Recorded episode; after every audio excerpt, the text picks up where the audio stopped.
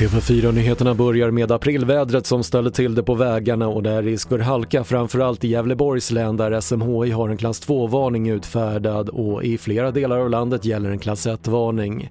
Trafikverket uppmanar bilister att ta det försiktigt om man måste ut på vägen under morgonen. Det kommer vara en utmaning här nu på morgonen därför att dels så eh, rasade in ett snö utifrån Östersjöhållet till och kommer även söderifrån. Och, eh, det kommer innebära att vi har en hel del isfläckar, vi kommer ha en hel del hala fläckar överhuvudtaget även om det inte har frusit is. Och sen har vi att natten har ju det varit minusgrader på. Det sa Bengt Olsson, presschef på Trafikverket.